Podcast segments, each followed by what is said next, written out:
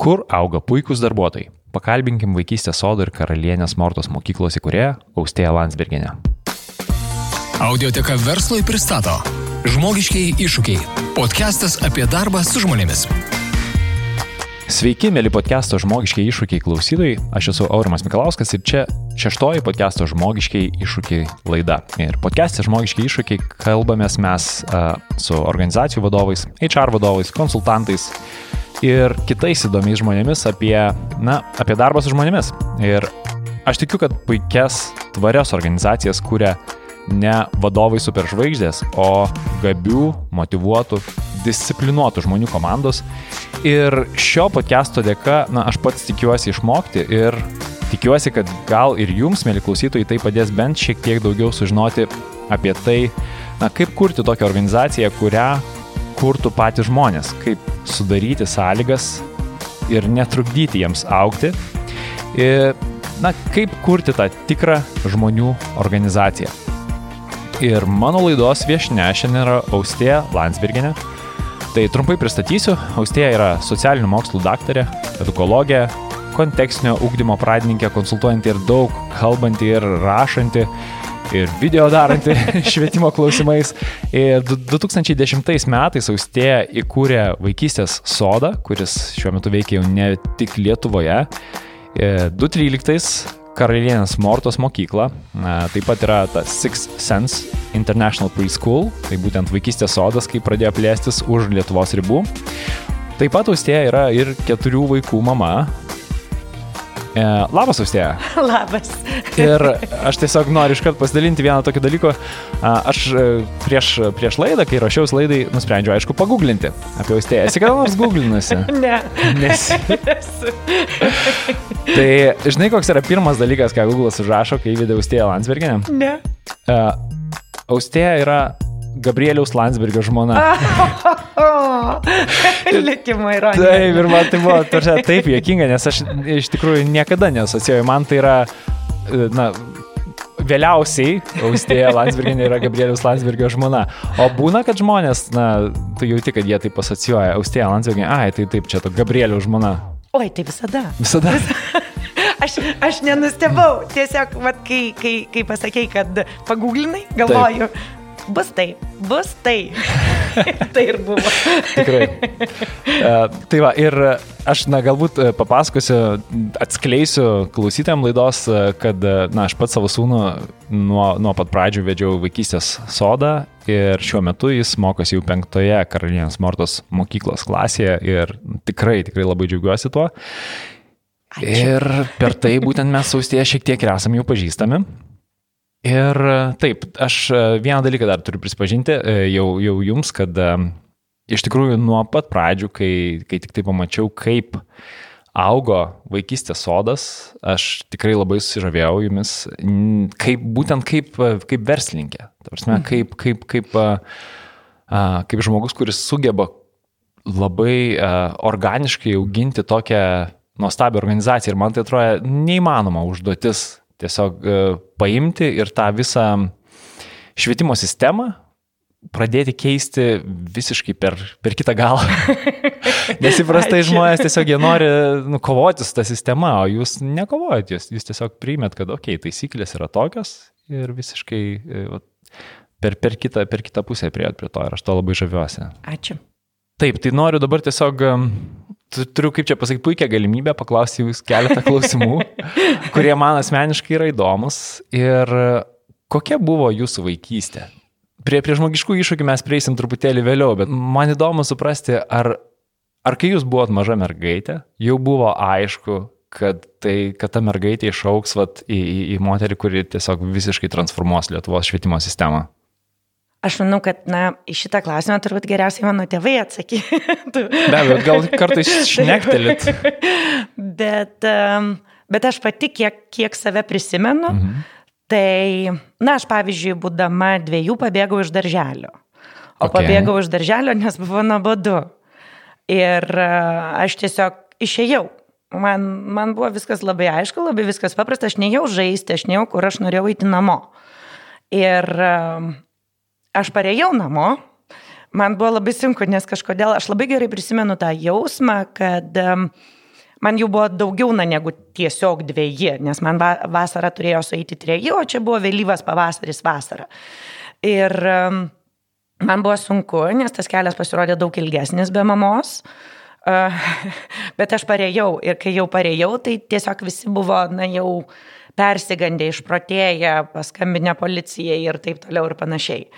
Uh, bet aš parėjau ir Na, man buvo taip pikta, kad čia visi galvoja, kad aš nepareisiu, kad čia aš nesugebėsiu. Koks nepasitikėjimas. ir aš dar dabar prisimenu tą tokį, nu, ta prasme, žmonės, ko jūs čia nervinatės, viskas, aš viską žinau. Ir kažkaip po to irgi augant, aš neprisimenu save žaidžiančios. Na, dauguma žmonių prisimena mhm. save ar žaidžiantis, ar, ar kažkaip su draugais, ar dar kažką, aš kai su draugais save prisimenu. Tai ir augimo metu, ir šiek tiek vėliau, tai Daugiausiai, kai kažką iškrečiam. Uh, tai ten per tvorą lipu ir susiplėšau visą suknelę, tai iškrentu iš medžio ir susilaužau. Tai, tai dar kažką, nebuvau labai ramus klusnus vaikas, bet kadangi pradėjau skaityti trejų, mhm. tai beprotiškai daug skaičiau. Beprotiškai daug skaičiau. Ir, ir mano, mano tėvai, tai net prisimenu, kaip sakydavo, na, tu gal nori į kiemą, tu gal ten dar kažko nori, bet, bet aš kažkaip nelabai norėjau. Ir aš visada, visada norėjau būti mokslininkė, kuri kažkuo pakeis pasaulį. Visada norėjau. Mhm. Kiek save prisimenu, tas kokios ryties būsiu mokslininkė visą laiką keitėsi. Vienu metu aš norėjau būti medikė, kuri išras vaistus ir visi, visi žmonės pasveiks. Tiesiog tai bus tokie fantastiniai o, universalūs vaistai ir visi žmonės pasveiks. Um, tada norėjau būti mokslininkė, kuri um, suge, sukuria tokį na, kosminį laivą, kuris geba uh, per meteoritų žiedą perskristi, nes kai mes augome ar ne, tada tik tai uh, na, visi uh, tie vadinamieji manned na, su žmogumi viduje dalykai, Taip. kosminiai laivai, galėdavo nuskristi tik iki meteoritų žiedo, ar ne, ar aplankyti tik tai, um, tik tai kietasias planetas, o ne dujinės. Ir man buvo va, toks noras, kad aš, va, aš būsiu ta, kuri nuskris iki dujinių planetų ir taip toliau ir panašiai. Nors, pavyzdžiui, astronautė nenorėjau būti, bet va, va, kažkoks toks. Ir visą laiką tai būdavo. Visą laiką, kad kažką sukursiu, kas pakeis žmonijos eigą. Tai, tai prisimenu, kažkada tėvai net yra sakę, nu, bet austulė, nu, nu, ne visiems. Taip, nu, taip, kaip taip, taip, taip tokią ambiciją turėti, ar ne? Uh, ir galbūt tau nepavyks. Ir aš sakau, tai nieko tokio, jeigu nepavyks, bet, bet aš bent jau būsiu pabandžius, taip. ar ne? O kada, kada jau e, atėjo ta vizija, vad, KMM, vaikystės sodo, ar ne, kaip, kaip atėjai iki to? Mane švietimas turbūt visą laiką supo. Aš aišku jį atmetinėjau dėl to, kad, na, kadangi mano vidurkis mokykloje buvo 10, mhm. tai mane visi kreipė į teisę, ekonomiką, politikos mokslus ir, ir na, bent jau mediciną iš bėdos. Na, žodžiu, specialybės, kurios turi ateitį. Taip, taip. taip. taip. Ir net, net na, mokytojai yra keletą kartų pasakę, na, kad, kad galbūt, na, na, tau lengvai sekasi pedagogika, bet, nu, žinai, šiaip tai tada gal į, politinius mokslus.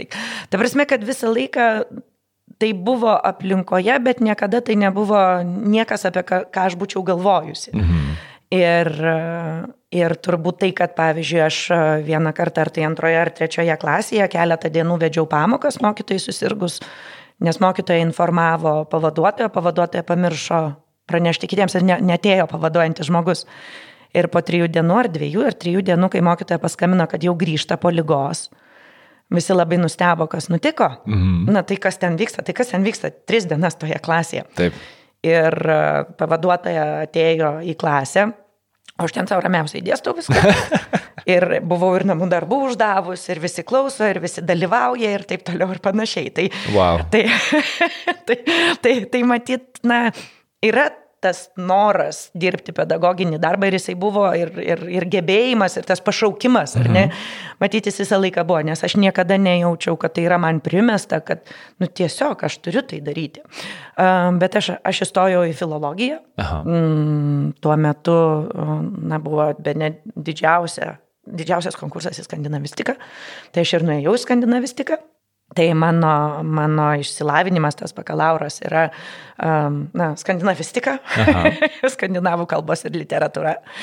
Ir um, man pirmame kurse paskambino mano mokyklos direktorius Ir sako, jeigu tu neteisi į mokyklą, o man buvo tik rūpjūtį suėję 18. Okay. Sako, jeigu tu neteisi dirbti į mokyklą, tai tavo sesuo, kuri tuo metu buvo pirmokė, bus be anglų kalbos mokytoja arba dėstys bet kas. O aš, kadangi mokiausi Amerikoje, tai na, metus tai aš jaučiausi, na taip ganėtinai neblogai mokanti tą anglų kalbą. Tai ką teko daryti, teko eiti dėstyti anglų kalbą. Ir aš pradėjau su tais vaikais eksperimentuoti. Mes padarėme muziklų burelį prieš pamokas. Jie atydavo pas mane į namus, tie vaikai, ir mes darydavom, na, statėm muziklą. Ir aišku, tą kalėdinį muziklą reikėjo kažkur rodyti. Aš perskambinau visas ambasadas. Gal jūs norite nemokamo muziklo? Mus paėmė amerikiečių ambasada savo kalėdiniam renginiui. Ir po to renginio prie manęs prieina tuometinis Amerikos tarptautinės mokyklos direktorius ir sako, mums reikia muzikos mokytojas. Ir aš sakau, ar jūs suprantate, kad man yra 18 metų, aš neturiu jokio išsilavinimo ir tuo labiau aš nesu muzikos mokytoja. Ir jisai sako, šitas muziklas yra pakankamas įrodymas, kad tu gali dėstyti muziką. Geras, wow. ir taip aš tapau mokytoja. Ir e, jau po antro kurso, nu aš antrą kursą leidau Norvegijoje. Ir Norvegijoje savanoriavau Melinajame kryžiuje su pažeidžiamiausiamis vaikų grupėmis. Mhm.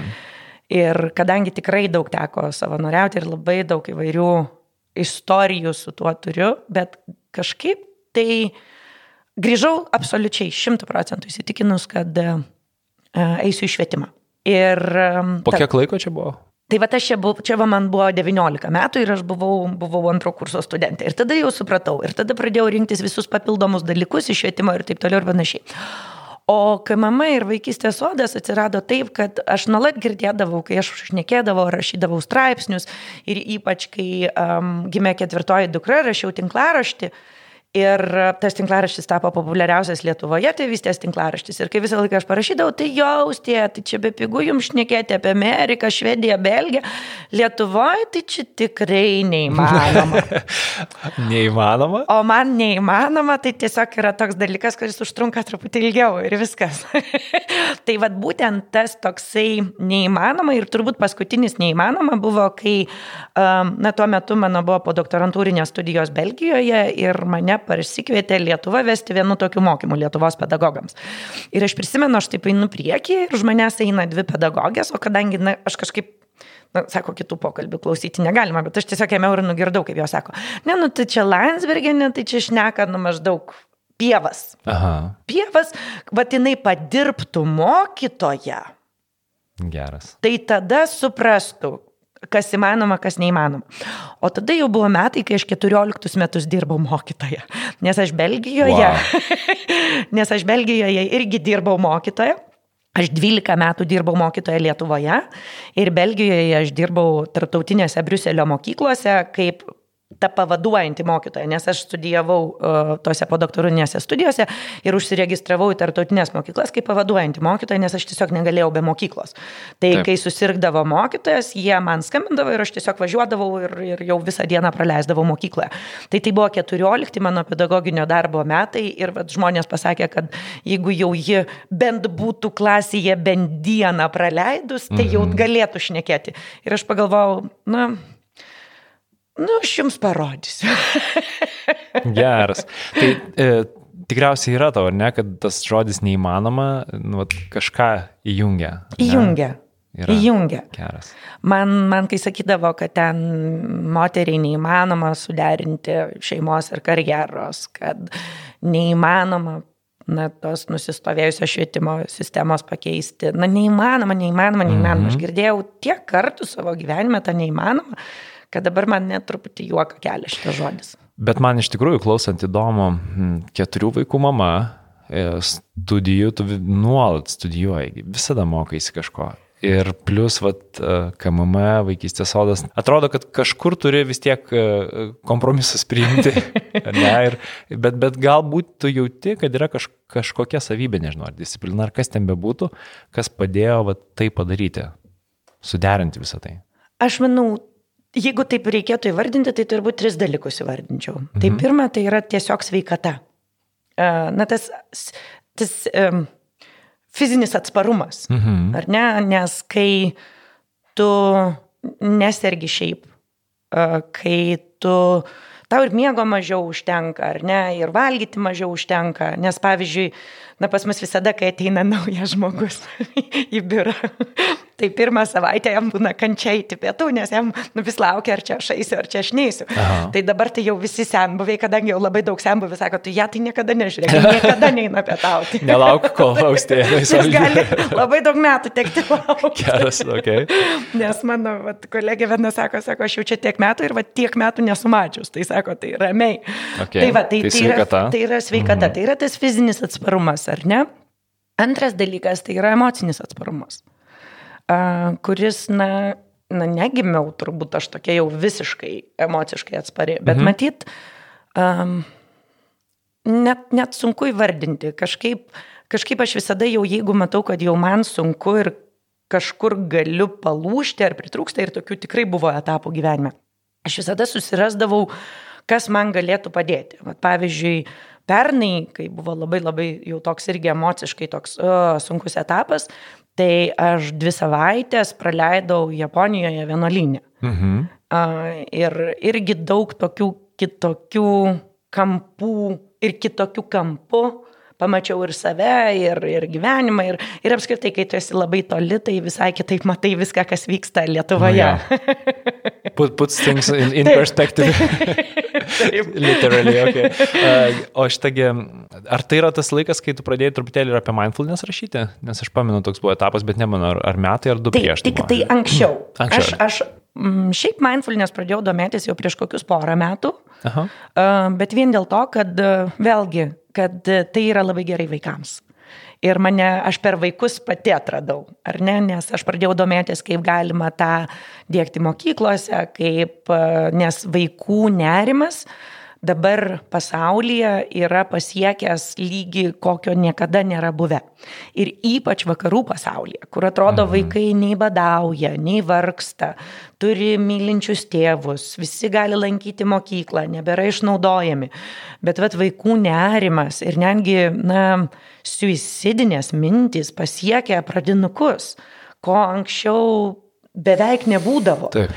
Ir O man labai rūpi, kaip vaikai jaučiasi. Mm. Visada labai rūpėjo. Ir kažkaip aš pradėjau tuo domėtis, tai kaip jiem būtų galima padėti. Ne, ne taip, kad kiekvienam po psichologą ar psichoterapeutą, nes tai yra neįmanoma, ne, bet, mm -hmm, bet būtent mokykloje, kaip aš galėčiau padėti.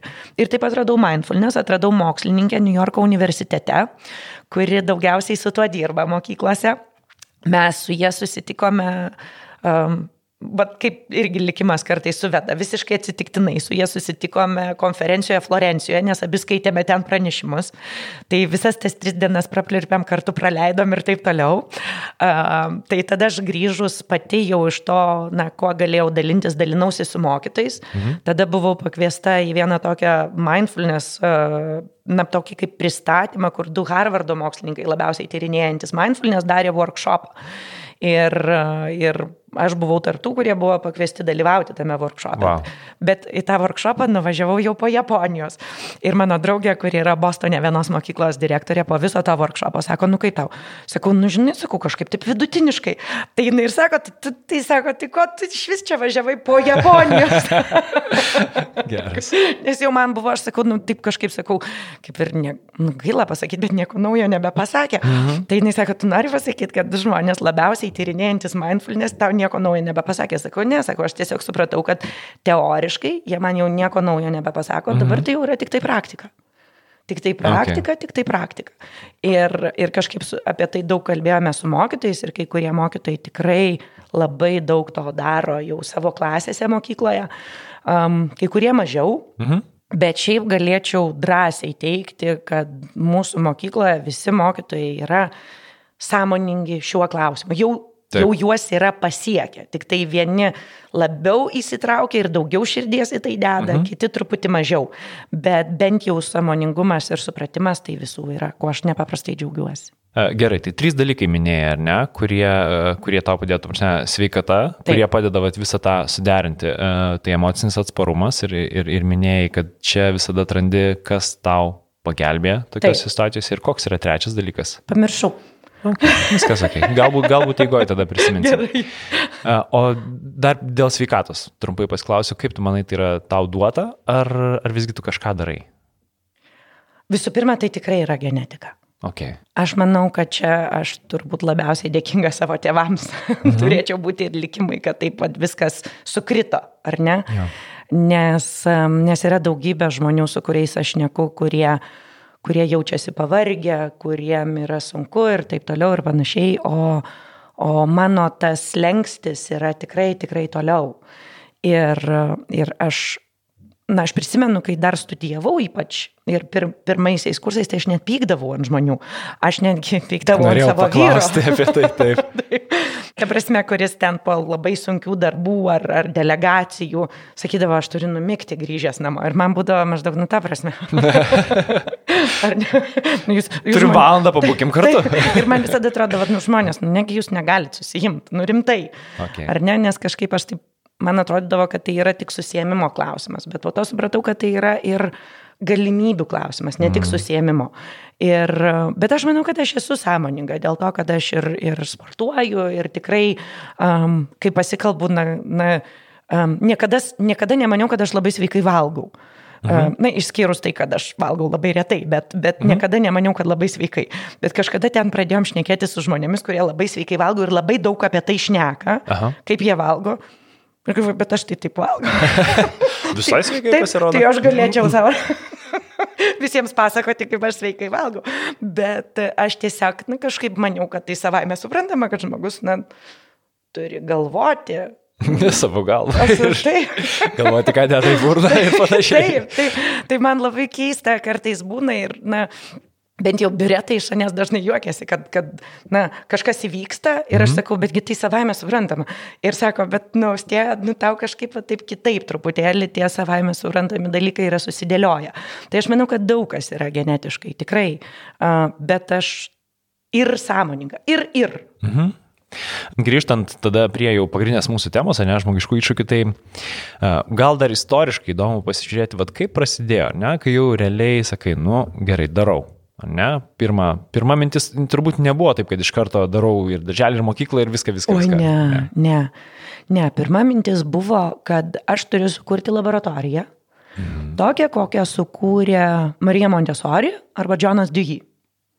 Papasako, kaip tai atrodo. Um, na, ir Marija Montesori buvo mokslininkė, mhm. ir Jonas Dewey buvo mokslininkas. Ir viena Italijoje, kitas JAV. Okay. Uh, Jonas Dewey apskritai yra pragmatizmo pradininkas. Man jisai nepaprastai patinka ir yra jau toks vienas iš mano gurų. Marija Montesori kažkaip truputėlį mažiau, bet Na, nes man nepatiko tai, kad jie atidavė savo sūnų auginti savo seserį ir jisai tik suaugęs iš visų žinojo, kad turi mamą. Aha. Tai, tai jai, na, kad Marija, jo mhm. mama. Tai, bet kažkaip taip dažnai, žinokit, su švietimiečiais buvo, nes, pavyzdžiui, pastalotis visus septynis atidavė į vaikų namus. Tai, tai kai pradedi gilintis kažkaip, kažkaip Daug sunkiau yra savo išauginti, geriau jau tada galvoti apie taip. plačiai. Geras, tai, tai okay. aš kažkaip pagalvojau, kad, na, na, man geriau pavyko suderinti šeimą ir, ir mokslą, ar ne, nes Marija Montesori irgi buvo mokslininkė. Tai vad, ir, ir tada pagalvojau, kad jie prie savo universiteto įsteigė. Mhm. Na, aš supratau, kad Lietuvoje prie universiteto neįsteigsiu, nes aš kaip tik neseniai buvau parašius straipsnį, kad Lietuvos pedagoginį universitetą reikia uždaryti ir jie savanimi, na, na ne, nelabai bendravo. Šiaip nuoširdžiai tai iš vis nebendravo ir netgi žinau, kad mūsų darbuotojai, jeigu sužinodavo, kad mokosi lankosi pas mus, tai net nukentėdavo dėl to. Tai, tai wow. jie netgi slėpdavo ir slėpė iki paskutinės akimirkos. Nežinau, kaip yra dabar, bet, bet, mhm. bet tai buvo. Tai supratau, kad aš tada turiu daryti tiesiog pati su savimi. Kadangi mes neturėjome pinigų visiškai, aš nuėjau į banką. Bankas mums nedavė paskolos, nes, na, vienintelis būstas, kurį mes turėjome ir taip buvo, na, paskola. Lizinguojamas. Ar ne, lizinguojamas. Um, vienintelis, ką mes turėjome, tai jau pagyvenusią mašiną, um, keturis vaikus, uh, vyras valstybės tarnyboje ir, ir aš mokytoja, ar ne? Minusai, minusai, minusai, ok. mokytoja, jeigu ne mokytoja, tai mokslininkė, nu, bet visi žinom, kaip, kaip, kaip, kaip, kaip, kaip yra Lietuvoje ir su mokytais, ir su mokslininkais. Ir mes pradėjome kalbėtis ir kažkaip vienas mūsų draugas, kuris, kuris turėjo mažiau vaikų, daugiau pinigų ir taip toliau ir panašiai, um, pasiūlė paskolinti. Pasiūlė paskolinti tol, kol aš galėsiu gražinti. Uh, arba jau, nu, jeigu jau bus visiškai blogai, tai tiesiog jau tada kažkaip išsitempus gražinti, sako, man, man jokio skirtumo, man, mhm. man šitie pinigai yra ekstra. Okay. Bet, uh, bet, bet jie gali būti tavo seedmoney, ar ne, nuo, mhm. vis, nuo ko viskas prasidės. Uh, bet aišku, na, mes dar išgramdėme absoliučiai viską, ką mes galėjome ir už ką aš turbūt visą gyvenimą būsiu dėkinga savo vyrui ir, ir, ir, um, ir savo vaikams, nes, mm. nes mes rizikavome absoliučiai viskuo. Um, negana to, kad dar paėmėme kito žmogaus pinigų, ar ne, nemažai. Ir, ir taip viskas prasidėjo. Ir taip viskas prasidėjo. Uh, ir mintis buvo ta, kad tai bus mokykla laboratorija, kur aš parodysiu, kad visa tai, apie ką aš neku, yra įmanoma yra įmanoma Lietuvoje, yra įmanoma su lietuviškais resursais, neparsisuntus ten amerikiečių ar švedų mokytojų, mhm. o su lietuviškais mokytojais, investuojant į juos, kalbant su jais, atsirenkant juos, sukuriant tėvų bendruomenę ir, na ir tiesiog daug dirbant. Gerai, tai kaip prasidėjo, vat, jau dabar apie darbuotojus kalbant, ar ne, vis tiek jau pradėjai, nu gerai, aš turiu vat viziją, kaip tai turi atrodyti e, ir kaip ta žmonių atranka pirmoji atrodė, kur tu vis tiek įkūrėjai, nu, reikia pirmų, nežinau, kiek ten rankų tu reikėjo, bet vat, kaip, kaip, tai, kaip tu atradai tos žmonės, kaip pradėjai jų ieškoti? Man reikėjo dviejų žmonių. Dėl to, kad e, mintis buvo, kad viena bus sodiečių mažylių klasė, viena sodiečių klasė, kita mažylių šnekučių klasė. Ir sodiečių tai yra vaikai trejų ir vyresni, o mažyliai vienerių dviejų metų iki, iki trečiojo gimtadienio ir truputėlį ilgiau, iki rudens, nes mhm. rudenį jau gali pereiti į sodiečių klasę. Tai man reikėjo dviejų vedančių pedagogų, kuriuos aš turėčiau per vasarą apmokyti, mhm. nes vaikystės sodas buvo įsteigtas birželio mėnesį ir aš iš karto norėjau, kad būtų tie žmonės, kad mes iki rūpjūčio vidurio ar pabaigos, na, mokytumėmės, ar ne, Aha. kad jie galėtų atsistoti klasėje. Um, tai vieną žmogų aš iš karto turėjau, dėl to, kad jau kai aš rašiau blogą, tinklaraštį, buvo viena mama, su kuria mes buvome susipažinę iš seniai, mhm. kuri tinklaraščiui darydavo darbelius. Aha. Nes aš pradžioj viena darydavau, pastebėjau, kad tai yra nepaprastai populiaru, o ji buvo iš tų, kuri visus mano darydavo ir dar šiaip su savo vaiku darydavo.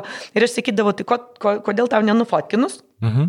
Ir tada aš įdedu ir tavo aprašymą ir visą kitą, ir mes turim tą tokią darbelių skilti. Jau nekalbant apie tai, kad mūsų labai sutapo filosofijos, apie tai, kaip, kaip vaikus, tiesiog jinai nors pati dirbo su personalu, Ji turėjo pedagoginį ir turi, nes ji vis dar dirba vaikystės sodė. Geras, wow. Dešimt metų. Tai, tai kadangi ji um, turėjo pedagoginį išsilavinimą, ji buvo baigusi uh, pedagoginį universitetą, institutą, ar kaip ten, ne, nebeprisimenu, kaip ten jis per metus keitėsi. ir, um, ir tada um, ji nuėjo dirbti su personalu ir kaip tik buvo motinystės atostogose. Ir aš jai sakau, gal tu grįžk iš tų motinystės atostogų, bet aš nenoriu, kad tu grįžtum į niekur. Tai kadangi Lietuvoje galima trejus metus būti motinystės atostogose, mhm. tai tu tiesiog prasitesk iki trejų metų, nu ir jeigu jau mes visai sufeilinsim, tu turėsi kur grįžti ir aš nesijausiu, na, kad aš palikau okay. tave ant ledo, ar ne? Okay, yeah. um, tai va taip jie atėjo ir jo sūnų ir mano dukra, jie būtų gimę Liepą, du vienmečiai, dabar jiem abiem yra 11, mm. o tada buvo, tada tai va buvo vieneri. Ir, na, jie atėjo, ji buvo pirmoji, Taip. kadangi jai labai patinka mažulėliai, jis sako, aš ir dirbsiu su mažyliais ir šnekučiais. Tarp okay. ji ir yra dabar irgi su mažyliais ir šnekučiais. Geras, wow, su pačiais mažiausiais. Um, ir tada pradėjau galvoti apie tai, kas galėtų būti sodiečių mokytoja. Mhm. Ir, um, ir mano labai gera draugė prisiminė, kad mes katedros vaikų chore, kai gėdojame, mes labai daug metų ten dainavome, kad šalia jos sėdėjo mergina, moteris, mhm. kuri dirba darželėje. Ir sako, ir jinai irgi yra visiškai absoliučiai nuostabi.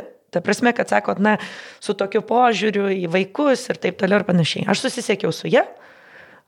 Na, jau jai tai jau reikėjo mesti darbą, ar ne? Na, tiesiog taip. savo darbą darželėje, bet sakau, bet čia yra tokia galimybė.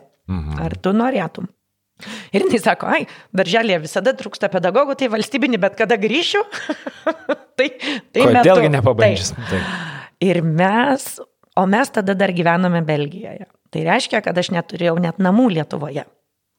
Aš o. gyvenau pas tėvus. Ar ne, nes mes savo būtą išnuovom, kad turėtumėm daugiau pinigų.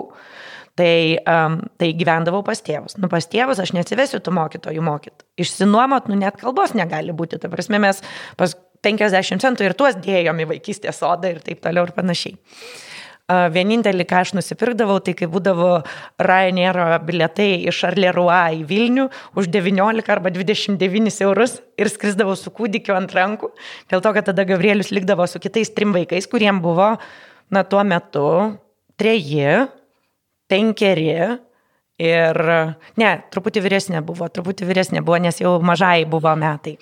Tai, tai jai buvo ketveri, tada buvo septyneri ir devyneri metukai. Na, ta prasme, tai jisai likdavo su tais wow. trim, o aš su kūdikiu, wow. ar ne, klykiančiu ir visa kita.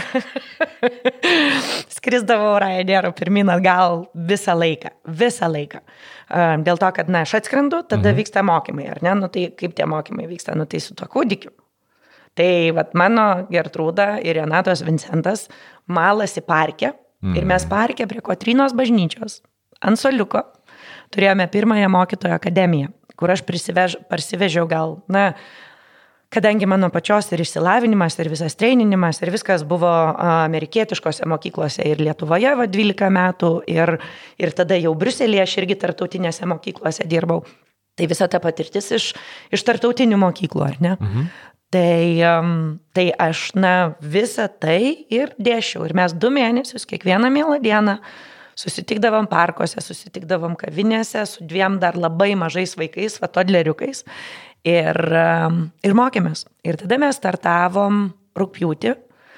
Mes pirmus metus neturėjome pinigų šeimininkėliai, jų nebuvo. Tai, um, tai viską plaudavau ir tvarkydavau arba aš na, išsiurbdavo, aptvarkydavo jau po to ir daugiau, kai būdavo mokytojų, mhm. bet, bet jau kai reikėdavo išveisti, tai aš, aš veisdavau, aš prisimenu mes. Ir tada jau nebe pas tėvus nakvodavau, nakvodavau sodelėje tam, kad galėčiau, na, net užmigdžius jau tą savo kūdikėlį, susukinėti kėjos kėdutės, viską tvarkyti ir taip toliau ir panašiai. Wow. um, gerai, dabar ta pirmoji mokytojo akademija, ne? Kai, kai, kai prasidėjo pirmieji mokymai, ar pas tavai iš karto buvo toks matymas, kad, na nu, gerai, aš dabar mokau du žmonės, bet netrukus man reikės mokyti dešimt, paskui šimtą. E, kažkokia sistema iš karto atsirado, ar tai buvo vat, tiesiog mokai du ir paskui žiūrėsim, kaip bus? Daugiau buvo mokau du ir po to žiūrėsiu. Aha. Dėl to, kad aš labai bijojau, kad uh, visam tam, ką aš norėjau atnešti į Lietuvą, buvo dar per anksti. Aš mhm. bijojau, kad gali būti per anksti. Okay. Ir kad galbūt mes turėsime tik 15 šeimų. Nesvarbu, kaip aš tikiu, nesvarbu, kaip mes tuo tikime, ar ne, bet galbūt mes turėsime tik 15 arba 20 šeimų. Dėl to, kad, na, kai kurios idėjos būna pralenkusios laiką. Taip, taip. Ir, žinoma. ir, ir, aš, na, ir po to, kai ta pati idėja yra vėl iškeliama po 50 metų, tada visi sako, o, kokia gera idėja. Kodėl niekas anksčiau nepagalvoja? taip, bet dažniausiai visada būna kažkas anksčiau pagalvojęs, mm. tik tai tiek, kad, na, tam žmogui tai buvo, na, tiesiog jis buvo nelaiku atsiradęs. Tai kuo um, aš, aš visada vadovaujuosi tuo, kad um, kad tikėkis geriausio, bet pasiruošk blogiausio. Mhm. Ir ja. manau, kad čia mane amerikiečiai būtent ištreinino, nes jie visą laiką tą sako. Ta prasme, visada tikėkis geriausio, pasiruošk blogiausio. Ta prasme, jie, jie, dėl to mūsų ir sutartis, na tarkim, pavyzdžiui, kurias dabar turi beveik visi privatus darželiai, ar ne? Mhm. Bet e, kai aš pamačiau, kokios sutartys yra Lietuvoje, tai aš, aš man hiperventiliuot pradėjau.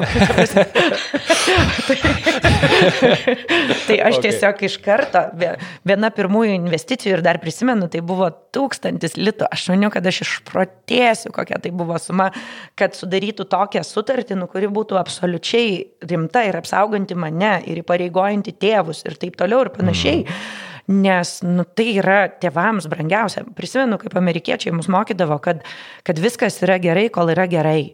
Mhm. Tu nesi kad ir kaip tu myli savo šeimas, tu jiems nesi nei giminė, nei artimasis, nei nieko.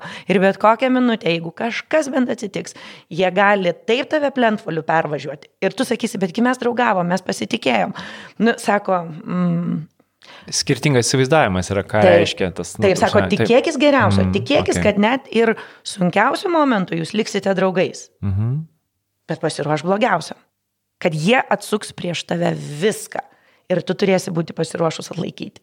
Ir kažkaip va tas turbūt naivumo nebuvimas ir mhm. supratimas, kad tikrai bus absoliučiai visko, uh, vedė į tai, kad atsirado labai rimta sutartis, ar ne? A, net prisimenu, kai kurie tėvai atėjo pasirašyti, sakydavo, Dieve mano, kas čia? Bet pavyzdžiui, tai buvo vienas iš pirmųjų dalykų, kurį iš mūsų, na kaip čia pasakius, pavogė. kiti darželiai. nes, nes vieną kartą pas mus tėtis vienas atėjo, kuris yra teisininkas ir sako, sako, čia mūsų kaimynai parsinešė ir aš žiūriu, kad tik sumos pakeistos. o geras, wow. sako, sako, nenorit ką nors daryti. ir įdomu, ką nusprendėjai. Norėjai ką nors daryti? Ne. Mano apskritai yra toks sprendimas, kad, kad jeigu aš um, kovosiu, tai visa mano energija į tą kovą ir sueis. Mhm. Aš turiu eiti į priekį. Ja. Ir ta prasme, o jie, hey, what comes around goes around. Ta prasme, vieną dieną, dar va, tokia yra viena įdomi istorija, kur aš paskambinu ir yra visiškai mūsų tinklalapio tekstas. Ir aš sakau to darželio, na nežinau, kas ten mhm. atsiliepia, ar vadovė, ar kas, ir aš sakau, sakau, žinot, čia yra autorinis tekstas. Prašau jį išimti. Sakau, nes aš tikrai, jeigu jūs iki penktadienio neišimate, kreipsiuosi į advokatus. Ir sako, aš pakalbėsiu su žmogumi, kuris rašė. Sakau, jūs kalbate su žmogumi, kuris rašė. nes nes pirmąją, pirmajame buvo absoliučiai mano tekstai rašyti, wow. nes mes irgi tam neturėjome pinigų. Tai netgi viskas buvo absoliučiai mano pačios surašyta, sudėliota. Tai aš tada ir jautriai ir žiūrėjau, kaip būdavo Taip. tiesiog apipeistinama kitų ūkdymo įstaigų. Išsisprendė gražiai šitą situaciją? Ne. Ne. Ne, penktadienį nebuvo nuimta ir tada mes kreipėmės į advokatą, tada jau buvo išimta. Wow, įspūdinga. Kiek prireikė? Bet čia tik dvi, jų labai daug tokių istorijų. Gerai, bet gal tada per daug jas visas nesugeiskim. Ne, neverta. Gerai, uh, tai grįžtant tada, uh, jau dabar, kaip vyksta vat, tas e, darbuotojo atranka, kaip jinai pasikeitė nuo to laiko, kai pradžiai, nes aš suprantu, pradžiai buvo vos ne, nu, pajauskim, nuojauta tiesiog, tai tu jauti, kur žmogus. Kaip tai dabar vyksta, nes dabar tikriausiai nėra taip, kad tu kiekvieną darbuotoją atrenki. Ne, nebėra. Mhm. Aš jau atrankoje iš vis nebedalyvauju. Okay. Uh, nebedalyvauju dėl to, kad uh, mes prieš uh, keletą metų susidūrėme su tuo, kad jeigu aš dalyvauju atrankoje, uh, Tai kažkodėl žmogui atrodo, kad aš ir esu tiesioginė vadovė. Mhm. Yeah, yeah. Nors, tarkim, net, net, net, na, tarkim, sodelio sistema, ar ne, kaip yra, tai yra, um, yra sodelio asistentai kur dažniausiai yra studentai, kurie ar matuojasi pedagogo profesiją, ar dėl to, kad jų tvarkaraštis leidžia, dirba ir taip toliau ir panašiai. Tada jau yra mokytojai. Tai yra jau tie žmonės, kurie daugiau mažiau, bet yra apsisprendę, kad pedagoginis kelias yra jų kelias ir jie jau, jų ir visai kitokios sąlygos ir visai, kit, nu, jau jie kitaip dirba vaikystės sodė, ar ne? Tada yra mokytojai. Tada yra, mes turime sodelio uh, pavaduotoja. Sodelio pavaduotoja yra na, tas vadinamas head teacher, ar ne čia jau mhm. angliškas tas modelis. Tai yra uh, stiprus mokytojas arba stipri mokytoja, kuri jau gali kaučinti kitus. Tai ji tikrina kitų planus, ji sužiūri kitų laiškus, kitų planus ir taip toliau ir panašiai. Tai tas yra head teacher, kur tarkim, jeigu nėra sodelio vadovės, mhm. tuo metu, nes, na, jinai turi daug daugiau vaidmenų, pavyzdžiui, net vedžioti tėvus ir taip toliau ir panašiai, tai jau tada visi mokytojai žino, kad kreipiasi į pavaduotoją. Okay. Tada yra jau sodelio vadovė. Tai vad mūsų sodelio vadovės ir samdo savo komandą nes e, sodelio vadovė, padalinio vadovė yra tiesioginė vadovė. Mhm. Ir kadangi mūsų sodeliai yra nedideli, tai kiekviena vadovė turi du arba netgi tris mažyčius sodelius. Na, aišku, panevežį vieną ir klaipėdai vieną, bet, bet, bet Kaune jau turi abu du Kauno, o Vilniuje turi po du arba tris priklausomai nuo dydžio, nes mes, Oho, mes skaičiuojame, okay. kiek, yra, kiek yra vaikų, ar ne? Uh, ir tai tai yra tris kartus mažiau negu, pavyzdžiui, valstybinėme darželėje, bet mes mhm. norime būti tris kartus geresni, tai viskas. Taip, kur ten tris, ar ne? Tai va, tai, uh, tai dėl to yra gerokai mhm. mažiau šeimų, gerokai mažiau darbuotojų, bet, uh, bet jau ką tai reiškia? Tai reiškia, kad padalinio vadovė nėra visą laiką on site dėl to, kad jinai turi keletą padalinių Aha. ir būna tai viename, tai kitame. Dėl to pavaduotojai dirba, bet jau komanda samdo, tai būtent padalinio vadovė. Jeigu kyla, jeigu kyla klausimai, žinoma, tarėsi. Ir tada mes dar turime dvi jau, na, tas aukščiausio ligmens vaikystės sodo vadovės. Mhm. Tai yra viena vaikystės sodo ugdymo vadovė, jau nebe padalinio, viso vaikystės sodo ugdymo vadovė, okay. kuri pas mus dirba jau labai daug metų. Ir yra kita vaikystės sodo veiklos vadovė. Tai veiklos vadovė daugiau rūpinasi tėvais, tiekėjais, pastatais ir taip toliau, mhm. o ugdymo vadovė mokytojais ir vaikais. Ugdymo vadovė turi psichologijų komandą, logopedžių komandą, e, specialiųjų pedagogų, jeigu reikia ir taip toliau ir panašiai. Mhm. Ji, ji yra atsakinga už viską, kas yra susijęs su vaikais ir mokytojais. Okay. Ir tada ieškant darbuotojų, ar ne, bet kadangi ne jūs ieškot jau dabar, o ieško mm, kiekvienas, kiekvieno, tarkim, vaikystės sodo ar ne, sodelio būtent patys vadovai. Taip, to. taip. Jie turi kažkokius bendrus kriterijus, ar jiem jau yra, jau jie tada vadovaujasi tą savo nuojautą ir sako, nu, vat, tai yra. Yra nežinau, kriterijai. Tikriausiai yra net toks terminas, aš atsimenu, sodėtis, ar ne, taip. yra pas jūs tas savas žmogus, ar ne, bet jis yra net ir apibrieštas, ar taip, ne, kas tai taip. tai yra. Okay. Mes, mes, pavyzdžiui, labiausiai švenčiame tada, kai, kai apie tėvus pasakome, kad jie sodelizavosi. Sodelizavosi. okay. Nes kad vaikas sodelizuosis, tai čia faktas. Taip. Bet, bet kartais, na, Na, dėl to, kad kaip, na, manęs dažniausiai džiaugsmai nepasiekia, ar ne? Mm -hmm. Man... kiti dalykai Taip, pasiekia. pasiekia kiti dalykai. Tai pavyzdžiui, kad, na, tarkim, kokia nors šeima, su kuria mes porą metų vargom, kai jau jie sodelizuojasi, tai jau tada, nu, net mane pasiekė ta gera žinia, kad šita šeima sodelizavosi. Okay. Ir, kad, ir kad tikrai ir dažniausiai tai yra susijęs su bendruomenė, su požiūriu į ūkdymą, su požiūriu į vaiko auklėjimą ir taip toliau ir panašiai? Mm -hmm. Tai mes turime tą savo standartą, mes turime netgi klausimus. Na, na, mhm. na, pavyzdžiui, vieną galiu atskleisti, yra toksai, toks, tarkim, vaikui pusantrų metų, nu, ne, kuris dar nelabai šneka. Mhm. Tėvai Vaikas ateina po lygos, grįžta į sodelį, tėvai specifiškai paprašo, kad tu jam užmaltum viršinės, nes yra minusinė temperatūra, jisai po lygos, ar ne? Aha.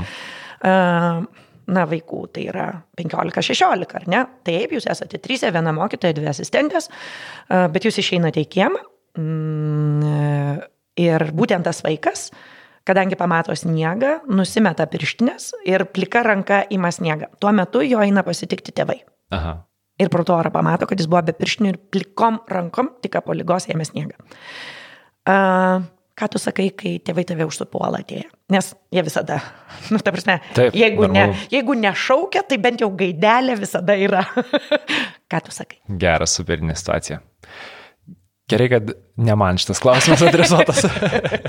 tai va, tai mes turime tokias labai konkrečias sodelio situacijas. Arba pavyzdžiui, na, tarkim, tu pamatai kolegos neprofesionalus elgesį. Ką tu mhm. darai? Ir, okay. ir taip toliau ir panašiai. Ta, supratau, grinai sumodeliuoja situacijas taip, ir, ir, taip. ir žiūri, vat, kaip, kaip žmogus, fainai. O kaip, kaip atskirti tą, nes vis tiek žmonės dažniausiai, nu, aišku, čia yra sudėtingos situacijos, va, kas, kuo jos yra įdomios, kad tai nėra, sakykim, tokia situacija, kur tu labai lengvai gali žinoti, koks yra teisingas atsakymas. Žinai.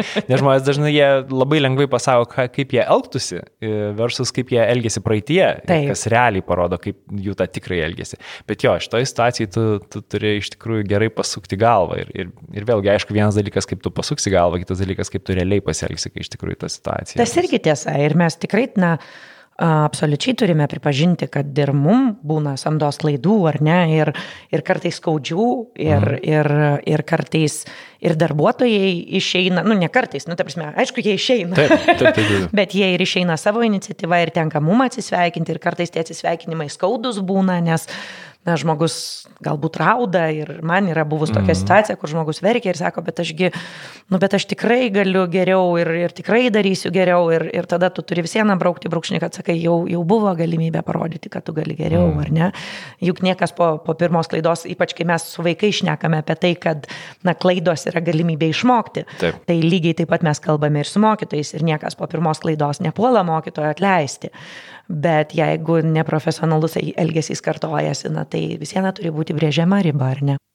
Keli klausimai iš karto skirtingi, bet aš noriu vieną tokią temą tada paliesti. Iš karto, vat, ką, ką paminėjai, kad ūkdymo vadovė, ne, pas jūs yra atsakinga ir už, suaug, už mokytojų, ir už vaikų ūkdymą. Taip. Bet man tai taip atrodo, tai tokie skirtingi dalykai. kaip, kaip tu jauti, vat, iš tikrųjų, ir, ir net nežinau, mokykloje, būtent mokytojų mokymas, kuo skiriasi nuo mok moksleivių mokymo ir net nežinau, ar galima čia įtraukti, sakykim, suvienodinti tų sodiečių, sodinukų ugdymasi, ta prasme, kokie yra skirtumai va, tarp mokymosi skirtingose amžiaus grupėse? Šiaip, ypač švietime, tai tik mokytojų mokymas ir yra svarbus. Dėl to, kad jeigu mokytojas ateis su teisingais dalykais galvoj ir su teisingais dalykais širdį, mhm. tai nereikės kalbėti apie tai, kaip ugdyti vaiką. Iš tiesų. Okay. Ta prasme, mes, mes labai dažnai galvojame, kad tai yra tarpusavėje kažkaip lik atskirti dalykai. Bet, e, na, kaip manęs ir klausia, kas, ką, ką Lietuvoje turime daryti, tai tik pedagogų ruošimas. Tik pedagogų ruošimas. Ta prasme, ir čia nėra, nėra joks, nu, ta prasme, čia joks nėra raketų mokslas. Mhm. Visos valstybės, kurios padarė švietimo reformą, sėkmingą švietimo reformą, tai buvo susiję su pedagogų ruošimu ir su esančių pedagogų um, na, kryptingų ir tikslingų profesinių tobulėjimų. Mhm. Uh, ir, na, tarkime, mes Lietuvoje išsikeliame tikslą, kad pavyzdžiui, Lietuvoje mokiniai geriausiai jaustųsi. Na vėlgi negali turėti 55 tikslų, kad ir gerai jaustųsi, mm -hmm, ir visoje pirmie būtumėm, ir taip toliau ir panašiai, ir, iš, ir išsaugotume kaimo mokyklas, ir turėtume miesto mokyklas, ir taip toliau ir panašiai. Nu, vis viena tu turi įsivardinti tai, kokie tikrai yra iš tiesų mūsų tikslai. -hmm. Na ir pavyzdžiui, tikslas mūsų yra daugiausiai investuoti į vaikų emocinę savijautą, kad vat, vaikai Lietuvos mokyklose būtų laimingiausi Europos Sąjungoje. Pavyzdžiui, mhm. Pavyzdžiui, taip. Tai tada ką tu darai?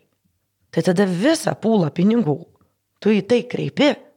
Nebėra tada tokių profesinio tobulėjimo kursų kaip batika.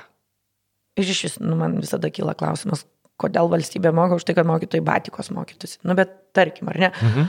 Ar, ar na, viską tu į tai sutelki. Ta prasme, tai turi būti lazerio tikslumo susitelkimas.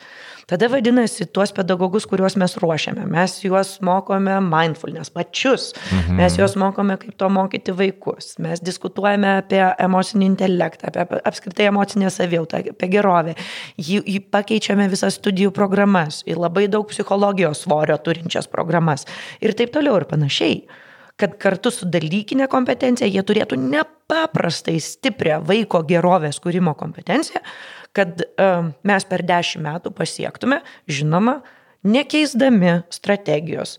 Ir nesvarbu, kas būtų valdžioje, susitarimu, kad nebus pokyčio švietimo sistemoje, nes mes kryptingai siekiame šito tikslo, o švietimo tikslui pasiekti vėlgi reikia tik atsiversti nors ir pirmą vadovėlį apie švietimo reformas ir pasakys, kad iki pirmųjų švietimo reformos rezultatų visada reikia nuo 12 iki 15 metų. Kiek čia yra Seimo kadencijų? Trys arba keturios. O. Tai reiškia, kad per šitiek rinkimų turi niekas nepasikeisti, nei finansavimas, nei kryptis. Turime taip eiti, va, to lazerio tikslumu. Ta padarė Suomija, tą padarė Singapūras, tą padarė Estija, tą padarė Lenkija, tą gali padaryti ir Lietuva. Hmm. Gali. Žinoma.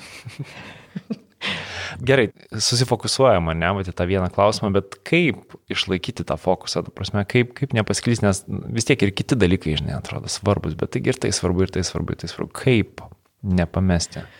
Man kažkaip um, labai buvo aišku, kad um, apskritai pedagogika yra nepaprastai imli žmonėms. Mhm. Ar ne? Na, pavyzdžiui. Gal pasakyk, ką turiu minėję, pedagogika. Na, na, pavyzdžiui, yra 15 vaikų, ar ne, mhm. šnekučių mažylių klasėje ir yra 3 mokytojos, 3 žmonės. Mhm. Tai vadinasi, tris žmonės reikia apmokyti, tris žmonės reikia motivuoti, trim žmonėm reikia, na, viską sužiūrėti, sutvarkyti ir taip, taip. toliau ir panašiai, ar ne? Uh, ir, ir su jais bendrauti vadoviai, mhm. ar ne? Na ir tarkim, um, jau sodiečių klasėje reikia dviejų žmonių. Uh, tai, tai atrodo sodelis labai nedidukas, mhm. o yra, pavyzdžiui, 15 žmonių komanda. yeah. Ir tai yra labai labai daug visur žmonių. Uh, ir, ir, ir būtent tas HR, o plus kitas dalykas yra, kad uh, man, man, man net Lietuvoje labai užduoda klausimą ir ypač tėvai, uh, kas čia pas jūsų HR tvarkosi mokykloje. Mhm. Uh, tai kiek švietimo organizacijos bandė turėti HR specialistą, tiek sufeilino. Dėl to, kad vadovas turi pažinoti savo mokytojus. Tu negali nepažinoti savo mokytojų, negali žmogus iš išorės, nu, ne tai, kad iš išorės, mhm. bet vidi, kad ir vidinis žmogus, bet negali vieną samdyti, o po to tu eiti į klasę, tu šnekėti su juo ir taip toliau ir panašiai. Taip. Tai kiek buvo bandymų, buvo bandymų, tiesa ne Lietuvoje, mhm. bet tai niekada nesuveikia. Mhm. Okay. Visada yra sugrįžtama, kad, sugrįžtama prie to, kad labai dažnai tas buvęs HR vadovas tampa arba ūkdymo vadovu, arba ten komunikacijos vadovu. Ta prasme, kad... kad Vis tiek grįžta nesi... prie, taip, prie taip, pas, pas vadovo tiesiog sudėti. Žmonės okay. grįžta pas vadovą. Yeah. Tai aš kažkaip net nebuvau linkusi su tuo eksperimentuoti. Mhm. Iš karto taip ir darėme, kad vadovas susirenka savo komandą, dirba su savo komanda ir taip toliau ir panašiai. Aišku, tai yra labai sudėtinga, nes tada bet koks vadovas, ugdymo įstaigos vadovas, turi tada būti ir HR specialistas, taip. nes turi taip. susirinkti savo komandą, ar ne? turi būti ir ūkdymo vadovas, nes nu, turi suprasti, kad komanda daro, mm. ar ne, nu bent jau suopratį apie ūkdymą turi mm. turėti. Taip, tu Taip. turi pavaduotoją, kuri visą tą sužiūri, bet, bet suopratį turi turėti ir tokį neblogą, ar ne? Mm. Ir tada tu, tu turi būti pardavimų vadovas, mm. nes tu tėvus vedžioji, tu jiem pasakoji, tu jiem viską išaiškini taip. ir taip toliau ir panašiai. Dabar, kai, koks yra įsivaizdavimas ir nuostatos Lietuvoje, kad pardavimai ir švietimas, o ne, bendro, taip, taip, taip. ir iš vis. Prieštarauja tiesiog vienas kitam. Čia, čia net neprieštarauja, čia šventvagystė net pasakyti tai yra, ar ne? Ir, ir dėl to žmonės, na, ir dėl to tai yra irgi labai sunku dėl to, kad tu, na, tarsi negali apie tai net šnekėti. Taip, taip, taip. Nors tai yra pardavimai, nagi visi tą puikiai suprantam, kad tu turi, tu turi save parduoti, tu turi parduoti savo mokytojus, tu turi parduoti savo ugdymo mhm. įstaigą mm. ir taip toliau ir panašiai. Tai, um, tai pavyzdžiui, tu gauni fantastišką vadovą, kuri fantastiškai dirba su komanda, na, bet pavyzdžiui, tu matai, kad visai neauga vaikų skaičius. Mm. Ir tu negali atskirti tų kompetencijų ir tu turi vos neatsisveikinti su žmogumi. Va, taip. Kas šiaip yra labai gaila ir mes dar na, visada su tuo tai bent pusmetį vos neprasitasom ieškodami nu, kažkokios išeities, bet pavyzdžiui, irgi visai neseniai turėjome situaciją, kai, nu, kai tėvai buvo labai nepatenkinti. Nes tiesiog vat, būtent tos vat, dalies, kuri yra labai svarbi, mhm. um, nu, vat, žmogui ne, nedainavo širdis tą darant. Hmm. Ir, ir buvo, ir, ir galų gale na, teko spausti ranką. Ir, ir, Taip. ir tokie sprendimai niekada nėra lengvi, jie visada yra, jie visada yra sunkus. Nu, neįsigi pas tėvus, nesakysi jam, kad čia tik su jumis nelabai nori bendrauti. Mhm. Taip, taip, taip, taip. O kas pas jūs tai daro, vat, ta, ta, tas pats vadovas, kuris pasamdo, pas, pasamdo, ar ne? Taip, tai jau padalinių vadovės uh, samdo vaikystės sodo augdymo vadovė ir vaikystės sodo veiklos vadovė. Mhm. Jau padalinių vadovės jo samdo, uh, bet vis viena jau tai ta informacija mane pasiekė, kad jeigu okay. bus samdoma arba atleidžiama, arba pati išeina, tai jau ta informacija pasiekė mane, kad aš žinočiau, nes visada sodelė atsiranda tėvų, kurie man arba Facebook'e, arba e-mailu dar bando įtraukti mane, kad aš ten įsikišiau. Bet aš stengiuosi nesikišti dėl to, kad, na, jeigu aš įsikišiu, tai vėl galvos, kad na, tos vadovės tik dėl vaizdo. -hmm. taip, taip, taip, taip. O iš tiesų, tai jeigu nori, kad reikalai vyktų, reikia jaustėję kreiptis, ar ne? Tai, tai aš labai stengiuosi tada daugiau laiko skirti susitikimui su jau tos aukščiausios grandies vadovėmis, mhm. bet kad jau eitų jos. Ir būtent čia turėti žmonės, kuriais jau aš be galo be krašto pasitikiu, kad jie nuneša ir, ir, tą, na, ir tai, kas turi būti galvoje, ir tai, kas turi būti širdį. Visą tą filosofiją ir visą struktūrą. Neseniai dalyvau HR konferencijoje ir ten vienas tokių didžiausių problemų, kuri buvo iškelta, buvo super mažas nedarbas, 4 procentai, ten siaubinga situacija, žmonių neįmanomas rasti, kaip yra pas jūs su VS ir KMM. Ar žmonės nori ateina, na, aš aišku, įsivaizduoju, skirtingose pozicijose skirtingai, bet nu, bendrai, vat, koks, koks, koks jausmas ir, ir galbūt kitas klausimas prie to paties, ką uh, tu jauti, vat, ką organizacijos gali padaryti, kad žmonės norėtų ateiti dirbti. Labai sudėtingas klausimas. Labai sudėtingas dėl to, kad um, aš kaip tik vakar skaičiau, uh, man atrodo, Facebook'e skaičiau šiaip, uh, buvo apie British Airways par, uh, parašė, dabar neprisimenu kas. Uh, Tik tai Simonas Bartkus, bet, bet apie British Airways. A, jisai apie aviacinį rock'n'rollą pastoviai rašo, taip, taip, taip, taip. Taip, ir ten perskaičiau, tai net pasidalinau su visomis savo vadovėmis. Dėl to, kad ten yra apie tas um, senasias stuardų komandas ir naujausias. Ir jų mhm. privalumus, jų trūkumus, ir, ir kaip jie nemėgsta vieni kitų. Ir, ir ten jisai labai gražiai taip su ironija irgi rašo, kad maždaug jūs manote, kad jums sunku, tai vad pagalvokit apie British Airways.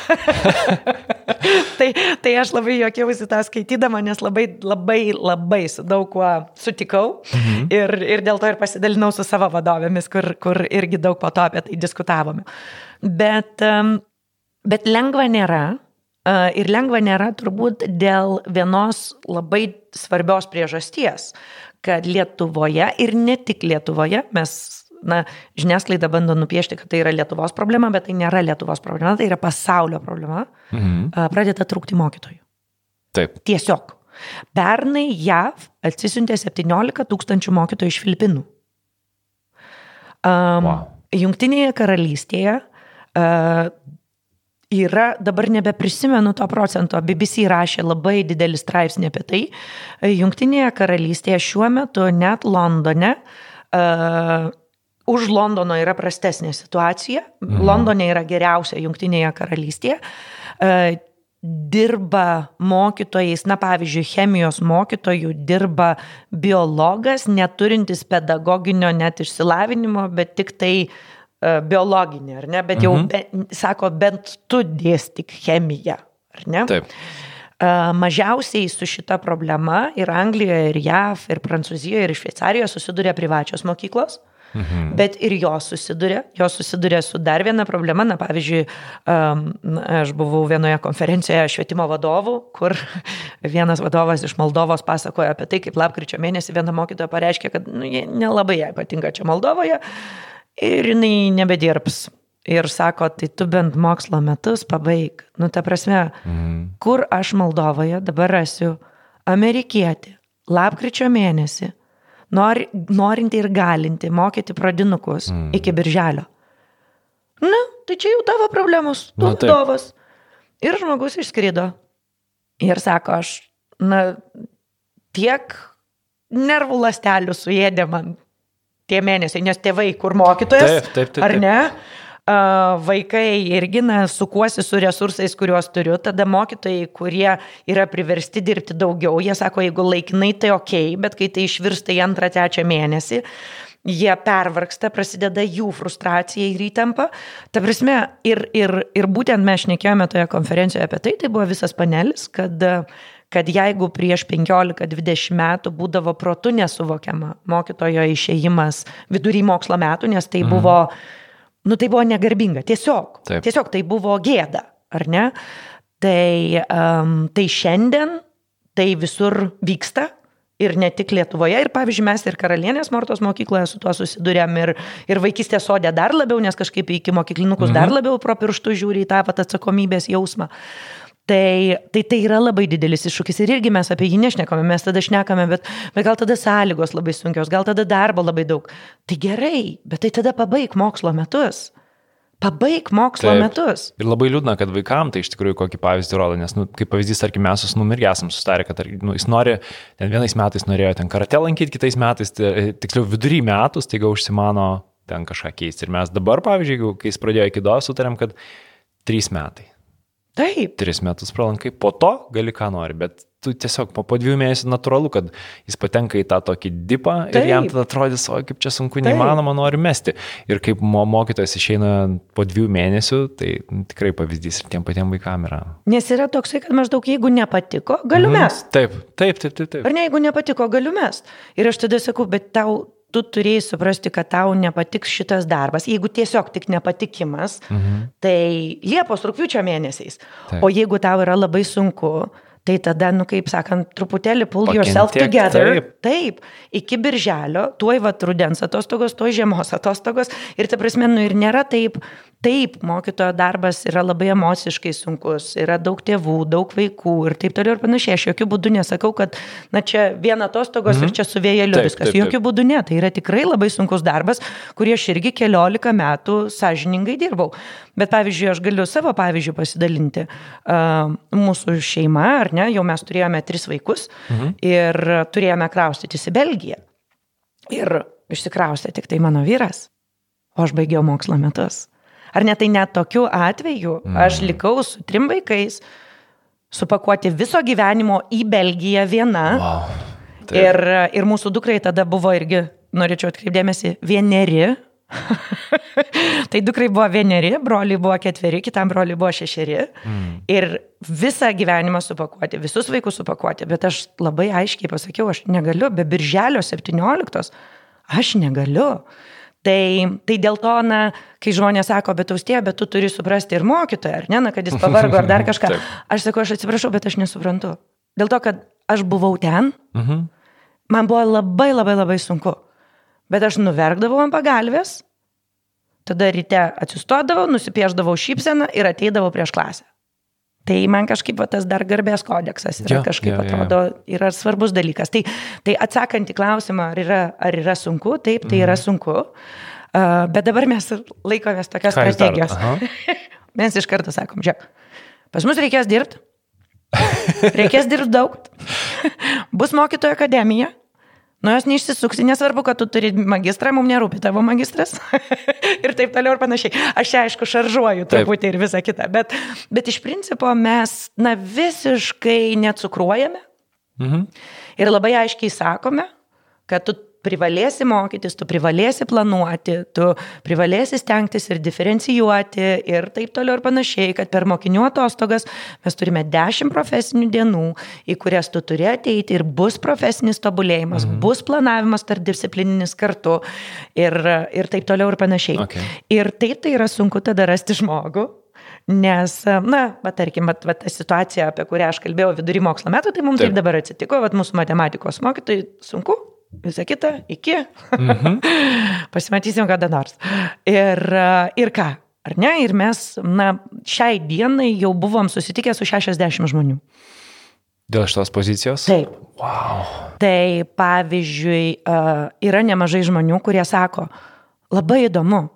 Ir tikrai faini žmonės, nu, ta prasme, paimčiau vakar. Bet jie sako, birželį. Birželį aš negaliu palikti savo Taip. klasės. Taip. Ir aš jo žiauriai už tai gerbiu. Tarsi man širdis kraujuoja dėl mano vaikų, na, KMM vaikų, ar ne? Taip. Bet kaip pedagogė ir kaip švietimėtė, aš žiauriai džiaugiuosi, kad jie nepalieka savo vaikų. Ir man norisi sakyti, jūs daug geresnis negu mums patiko. Ar Koks ne? įdomus konfliktas. Taip. Jeigu žmogus ateis, tai tu natūraliai supranti, kad nu, nebent jis neturi šiuo metu darbo, neturi. kas yra. Taip. Tai tada tu turi, vadinasi, rasti kažką kuris yra nuostabus mokytojas ir neturi lapkričio mėnesį darbo. Nu, tai, prasme, tai, yra, tai yra tas pats, kas, kas kai va pamotė išsiuntė mm. žibučių žiemą, ar ne, tarp sniego ieškoti. Taip. Arba tu ateina žmogus į pokalbį toks, kur tu supranti, kad tu irgi savo vaikam nenori. Ar ne? Ir tada tas konfliktas jis yra milžiniškas. Ir, ir kadangi, na, ne aš pati kalbu, ar ne, bet mes vis šnekame su, su ugdymo vadovė ir su visais, na, kai pasikalba, kadangi aš tikrai pati labai įsitraukiau, nes man ir kaip mamai aktualu taip, ir taip toliau taip, taip, ir panašiai. Taip. Tai, nu, kur, kur atrodo ir širdis kraujuoja, ar ne, nuo, nuo tokios situacijos, bet, bet tu esi įkaitas mm. ir, ir, ir nieko negali, nieko negali tokiai situacijai padaryti. Įdomus. Iššūkis, wow. 60 žmonių pakalbinot. Taip. Dabar jau turbūt net daugiau. Na, aš neįsivaizduoju, man kol kas tai yra sunku labai priimti, bet aš suprantu, kad tai yra, nu, Ir tai yra tada- taip svarbu. Taip, ir tada, pavyzdžiui, netgi yra tada pasakymas, aš prisimenu, va irgi kažkaip, kažkaip taip, ne aš, bet irgi kitas žmogus iš mūsų mokyklos, kitoj aplinkoje prasitarė, kad, nu, va jau, bet tada buvom dar tik ar su 30 pakalbėję ir viską. Tai sako, ne, tai aišku, tai kas čia pas jūs norės ateiti? Mm. Ir sako, gerai, kodėl tu taip sakai? Aha. Kodėl čia jau pas mus niekas nenori ateiti? Nu, taigi žinom visi, jūs ten labai mokytojus išnaudojat, jų labai maži atlyginimai ir taip toliau ir panašiai.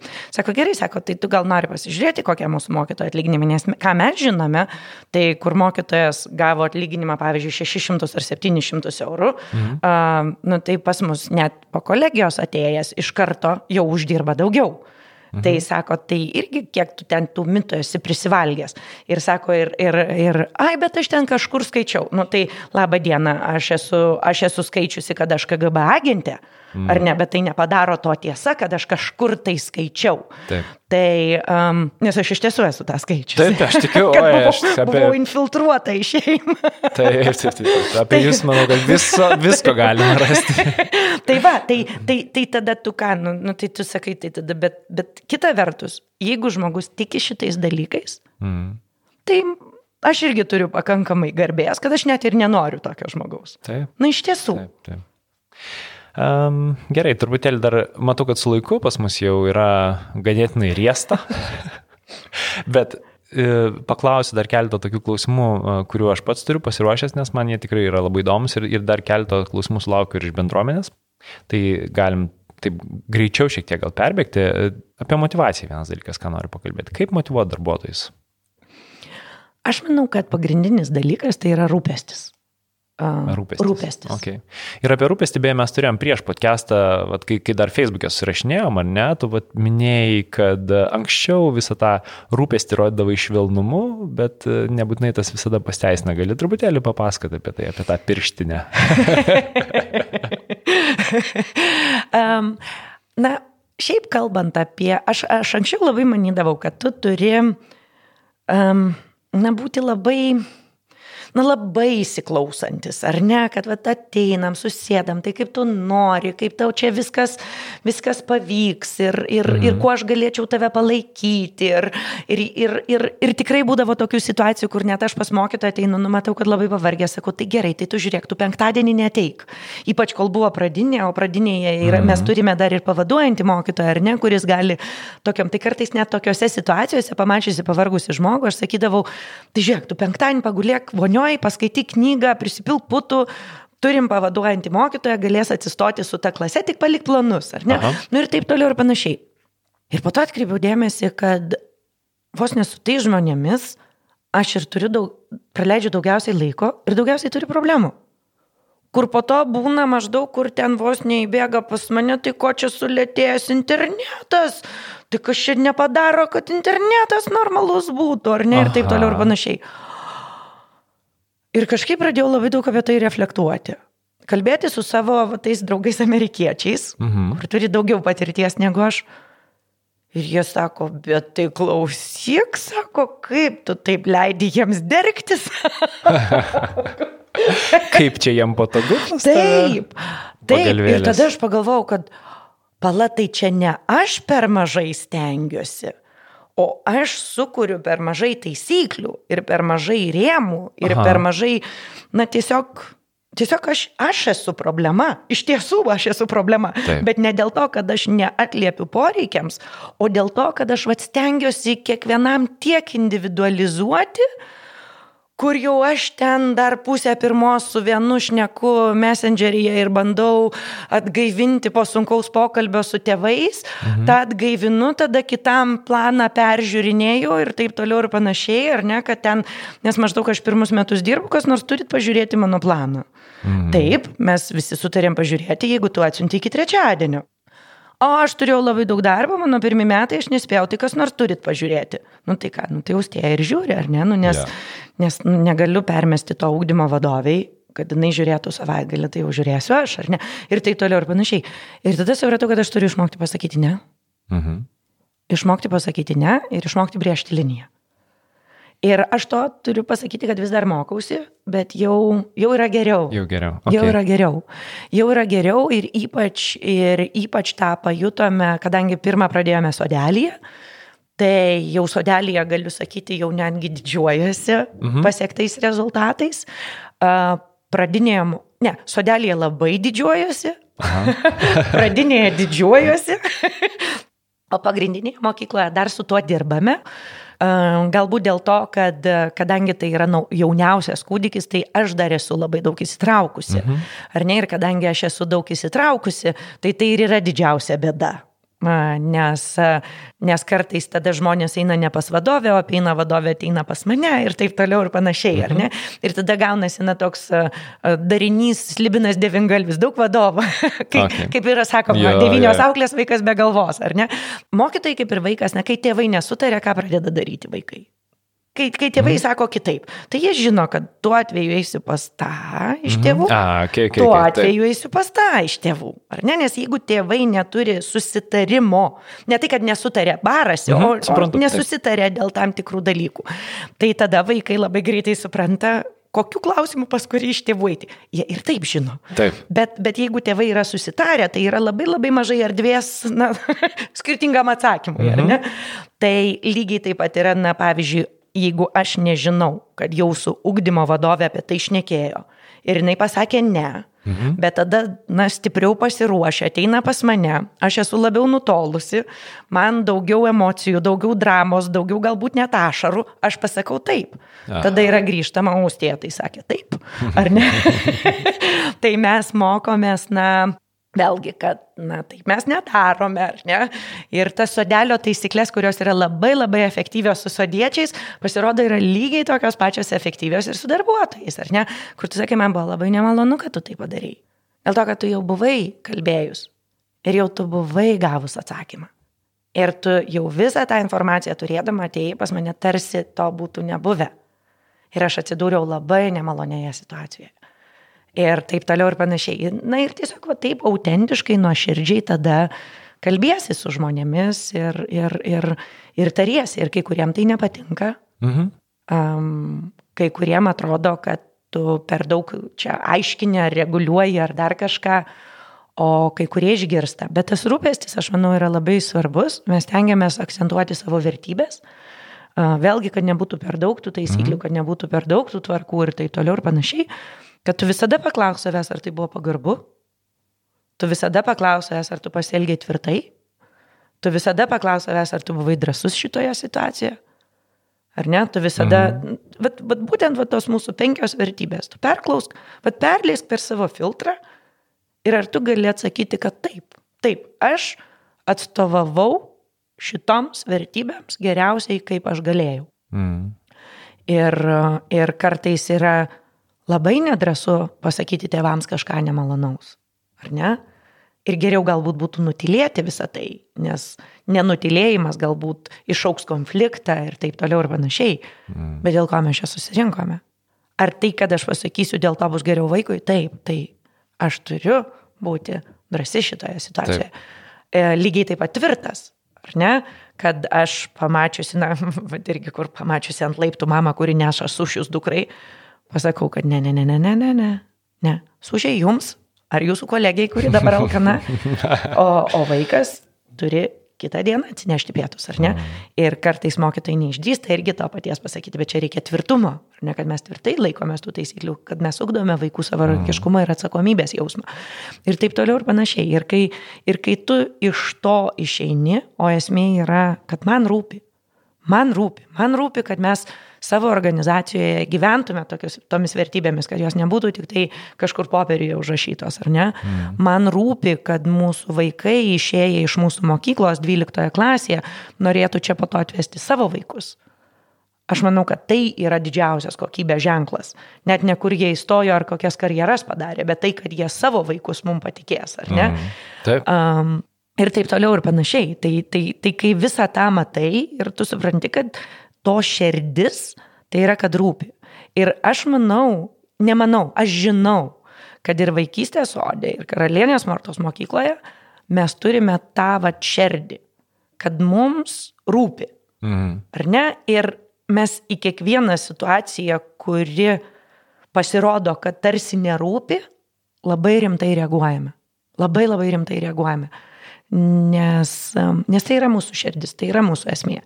Ir kažkaip man tas labai labai patinka, kad mūsų mokytojai, net kai kurie išėję, labai draugauja su mūsų mokytais. Mhm. Ta prasme, kad tos draugystės išlieka ir, ir kai mes darome darbuotojų apklausas, tai jie labiausiai įvardina rūpestį. Mhm. Kad, va, nujaučiame, kad, kad, kad va, komanda vieni kitiems rūpime. Ir aš manau, kad tai yra labai svarbu, nes tos apklausos tai anoniminės. Tai -hmm. kaip, ir galėtų, Taip. kaip ir galėtų pasakyti viską. Aišku, jie sako, kad darbo labai daug yra. Bet tai nėra paslaptis. Aš netgi džiaugiuosi, kad atėję žmonės sako, kad ką girdėjot, nu tai girdėjau, kad pas jūs reikia daug dirbti. Nu taip, nes o kaip kitaip, visur reikia daug dirbti. Reiktų visur. Taip, taip, ta prasme, nu tai ką, medikam nereikia mm, dirbti. Taip. Tai ką, tai ką, nu ta prasme, šefai nedirba, Troleibuso vairuotojas irgi tas, kuris šypsosi, kuris, kuris užleidžia smagią muziką, kuris palaukia bėgančio link troleibuso žmogaus, jisai sunkiai dirba, nes jisai yra, nes jisai yra sąmoningas ir, ir supančios situacijos. O jeigu tai yra piktas žmogus, kuris priveria mamą lipančią su vežimėliu, nu mes visi sakome, vat, vat, kaip, jam, kaip, jam, nu, vat, kaip jis dirba. O jisai dirba atmestinai, jisai dirba, mano mačiutė sakydavo, blais dantim. Nieko nedaryk, kad blais dantim. Jau geriau iš vis nedaryk, mm. negu daryk atbulais dantim. Ir vad ko aš, kas man yra visada netoleruotina, tai mokytojo darbas atbulom, atbulais dantim. Ar ne dėl to, kad tai tada ko tu čia esi? Taip. Ko tu čia esi, jeigu tu dirbi atbulais dantim?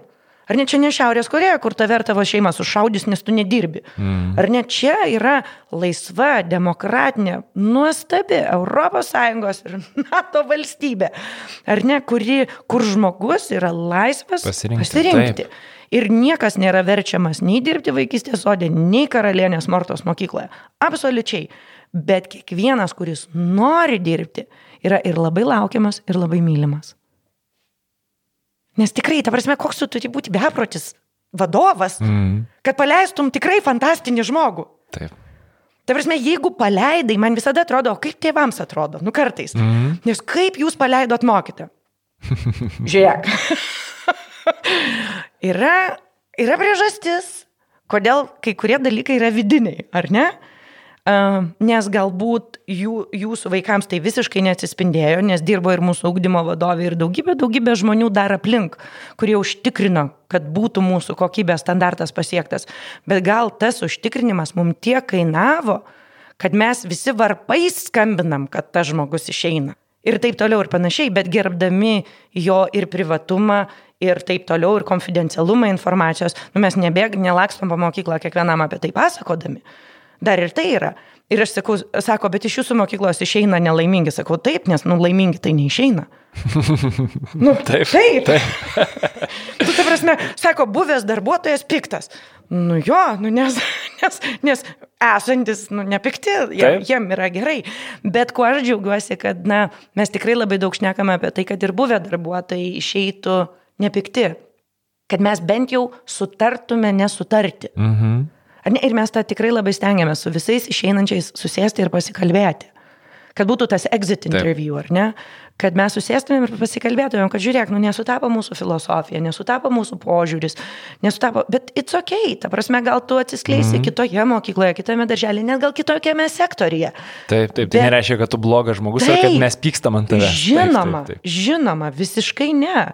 Ta mhm. prasme, net tu negali pykti net ant išeinančio žmogaus, tu pyksti tik dėl to, kad jisai, na, žiūrėjo atmestinai ir nebuvo iki mokslo metų pabaigos. Mhm. Bet, bet visa kita, tai, tai neveltui dauguma valstybių pasirašo tik metinius kontraktus su mokytojais, o ne, ne tuos neterminuotus. Mhm. Dėl to, kad po metų ir mano gali įsivaizdavimas apie tą mokytoją pasikeisti ir to mokytojo. Dėl to mes kasmet susėdame ir kasmet atnaujiname kontraktą. Geras, nuostabu. Taip, tarptautinės mokyklos niekada nepasirašo ilgesnių negu dviejų metų kontraktus. Mhm. Vat kiek man teko na, daug daug, daug dirbti, tai visur yra ilgiausias yra dviejų metų kontraktas, o su vadovais ketverių metų. Bet kur, na jeigu viskas vyksta absoliučiai nuostabiai, tu po dviejų metų taip, atnaujini ir taip. viskas. Man labai iš tikrųjų šitas dalykas patinka, nes e, dabar jau nepamenu, kas tiksliai, bet man irgi tokia minti patikė kažkada savo, pagalvok, einamojo momentu, vad sako, jeigu dabar tau reikėtų iš naujo tą žmogų, kuris jau pas tave dirba, samdyti, ar tu jį samdytum su viskuo, ką tu jau pamatai po metų, po dviejų Taip. metų, po trijų metų. Ir man tai yra toks illuminating, žinai, atradimas. Tai, tai, tai, tai, tai nuostabu, kai tu turi sutartį metinį ir po jo sakai, okei, okay, Dabar vėl iš naujo galvokim. Nes tada ir tu kaip darbdavys stengiasi, jeigu tas žmogus tau patinka, ar mhm. ne? Taip. E, yra tas toks truputėlį edge, ar Be ne? Abejo, taip, taip, nes ir, ir žmogus taip, gali pasirinkti taip, teisingai. Taip. taip. Ir lygiai taip pat tam žmogui, jisai žino, kad jeigu jisai neperformins, Tai nebus taip, kad čia jisai, tik jisai dėrėsis dėl išeitinių, dėl mhm. visko ir taip toliau ir panašiai. Ne, kontraktas yra atnaujinamas abiems. Ir dėl to man tai žiauriai patinka, bet Lietuvoje pagal galiojančius įstatymus taip negalima daryti, nes tai yra nuolatinio pobūdžio darbas ir negali būti terminuotų sutarčių mokykloje. Ok. Detalė. Taip. Supratau. Mes jau visiškai su laiku uh, situacija pas mus, tai aš uh, dar paskaitysiu kelis klausimus. Į vieną iš tikrųjų tu jau atsakėjai, Rūta klausė tiesiog, kaip išlaikyti pozityvą, tai mes truputėlį laidos pradžioje apie tai pasikalbėjom ir aš jau tada į tą temą nebelysiu. Nebent labai labai norėtum kažką dar pridurti. Ne, jau. Gerai. Jurgis klausė, kuo labiausiai didžiuojasi? Aš labiausiai didžiuojuosi, kad žiūrėdama atgal, aš matau, kad per dešimt metų mes tikrai pakeitėm Lietuvo švietimo sistemą. Tikrai. Taip, aš, aš irgi aš tą matau ir man tai yra taip gražu. Ir labai džiaugiuosi, kad tu to džiaugiuosi. Nes, nes iš tiesų ir šiemet aš tą pajutau labiausiai dėl to, kad vien lapkričio mėnesį buvau kviesta į keturis renginius, mhm. kur ne pati važiavau, ne pati kažką, o tai buvo visi uždari renginiai. Ir būtent mane kvietė kaip žmogų pakeitusi švietimo sistemą. Ir tada aš pagalvojau, kaip gerai, kad mane mato, va, Ispanijoje, kad mane mato Katare, kad mane mato Suomijoje, ta prasme, kad mane mato, ta prasme, net prisimenu, kur tokia tvirta buvo. bet, bet, bet iš principo, ar ne, ir kur tu atvažiuoji, tu dalyvauji panelėje ir tu pasakoji vat, vat apie tuos dalykus. Ir kai aš galvoju, kad kai atsidarė vaikystės sodas, negeriam nei vandens Lietuvoje nebuvo galima, nes maisto ir veterinarijos tarnyba tada neužtekdavo kalorijų. Mm. Ir kiek aš ten eidavau, eidavau, kur net atsigirdau iš draugės, kuri ten dirbo, bet niekas nežinojo, kad mano draugė, kaip ten jau būdavo per, per, per koridorius, naidavo šurmulys, o dieve ir vėl Landsbergė. tai, tai, tai nuo tokių dalykų iki iki ryškių lemenių, iki, iki apskritai, iki mokyklinio ugdymo, iki požiūrio į vaiką ir taip toliau ir panašiai. Ir, ir kartais aš, na, kai būna jau labai labai sunku, ar ne? Um, Kai būna sunku, na, nes pavyzdžiui, sužinai, kad kažkoks darbuotojas ten labai, nes pavyzdžiui, aš Katare, nes mane būtent to prašė pasidalinti apie skaudžiausius dalykus. Mhm. Ir aš sakiau, skaudžiausi dalykai yra tai, kad um, būtent tas, kur, kur atrodo, kur tu sutariai su žmogumi nesutarti ir išsiskyrėjai gražiai, mhm. ir tada tu randi juos kažkur labai šlykščiai kalbančius ir apie tave, ir apie organizaciją, kurioje net jie patys dirbo. Bet taip, nu jau, nu nes ta banga, ar ne, ten vos ne ant tos bangos maždaug dar ir aš pavažiuosiu, ar ne? Ir, ir aš sakiau, kad tas yra vienas baisiausių dalykų dėl to, kad tu tikrai labai stengiasi dėl tų žmonių ir tau tikrai jie rūpėjo ir tu tikrai nužengiai kartais net ne vieną, o dešimt ekstra žingsnių, net asmeniškai, Taip. ne? Ir dėl to tas peilis į nugarą visada yra nu, nu, labai toksai skaudus. Ir aš visada tokiom akimirkom labai sakau, austėja, giliai kvepuok, ar ne va tas iš mindfulness, keturis kartus per keturis įkvepi, sustabdai keturiem, per keturis iškvepi, sustabdai keturiem.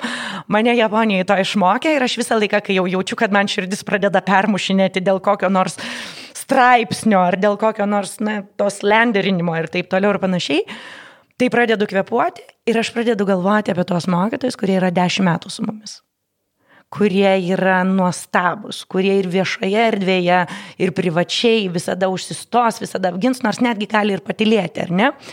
Ir tada tu pradedi galvoti apie šitos dalykus, pradedi galvoti apie tai, kaip tave, vat, nu, tarkim, kviečia ir sako, gerai, o tai, vat, nu, vat, nu, vat mes Katarė dabar turim lėšų, tai, vat, nuo ko jūs siūlytumėt pradėti, ar ne?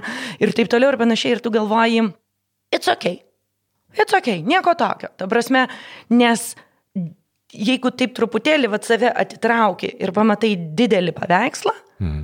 tai visa tai yra taip nesvarbu. Taip nesvarbu. O tai, kuo aš galiu didžiuotis, yra taip svarbu. Ir toks didelis dalykas, kad, nu, nu, verta buvo gyventi. Jau dabar. Taip, taip, taip, wow. o dabar dar tik pradžia yra. Aš irgi labai labai didžiuojuosi. Žinokit, tikrai užtėjai vis, visą tą, ką pavyko padaryti. Ir tikrai, nes tu supranti, kad dabar visi į tai lygiuojasi. Ta prasme, jiem nu, tai yra etalonas ir, ir turiu menį bendrai visą, vis tiek ir kiekvienas mokytojas, kiekvienoje mokykloje yra paliestas to ir jam vat, jau yra ta, ta kartelė pakelta ir, ir, ir na, tai, tai man tikrai tai yra žavu. Labai, Ačiū. Labai. Ačiū tau, tikrai, tikrai nuostabu. Dar norėčiau kalbėti ir kalbėti. Tikrai turiu dar ir klausimų ir iš bendruomenės, kurių ne, nebespėjau užduoti ir pats ir apie knygas norėjau pasikalbėti, bet... Kitą tiesiog, kartą. Kitą kartą, jo, manau, kad, kad šitą dalyką padarysim. Tai, va. tai ačiū labai, Austė, kad apsilankėjai. Iki malonaus. Iki. Podcastą pristato Audioteka verslui. Nuolatinio tobulėjimo kultūra jūsų organizacijoje. Dauguma įmonių Lietuvoje šiandien jau labai garsiai kalba apie tobulėjimo svarbą. Ir ne tik profesinio tobulėjimo, bet ir asmeninio tobulėjimo, bendrųjų kompetencijų ūkdymą. Nes, na, būtent augantis, tobulėjantis žmogus yra motivuotas, įsitraukęs, žino, kaip svarbu keltis tikslus, kaip siekti tikslų ir, na, stengiasi visų pirma savo veikloje ieškoti prasmės. Knygos yra nuostabi tobulėjimo priemonė, bet šiais laikais labai sunku rasti laiko knygai, o na, dažnai visą dieną praleidus prie ekrano norisi duoti akims pailsėti. Ir audio knyga čia yra na, tikras išsigelbėjimas, kadangi audio knygos klausyti gali bet kur. Pakeliu į darbą, tarp susitikimų, sportuodamas, vedžiodamas šunį, na, ga- galbūt šiek tiek prieš miegą. Ir jeigu dar netradot audio knygos kaip tobulėjimo priemonės, tai kviečiu apsilankyti adresu audioteka.verslui.lt, kur galėsite sužinoti, na, kaip audio knygos gali tapti nuo nuolatinio tobulėjimo įrankiu ne tik jūsų asmeninėme gyvenime, bet ir jūsų organizacijoje.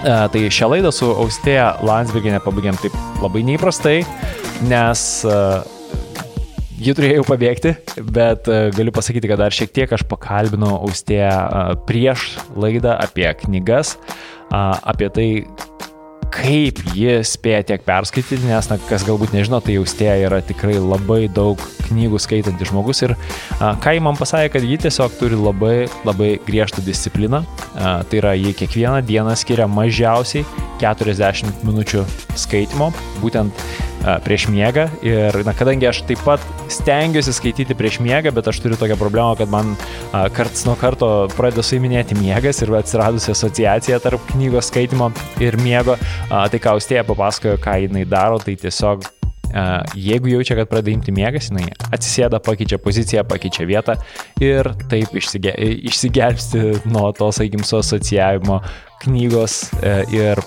miego.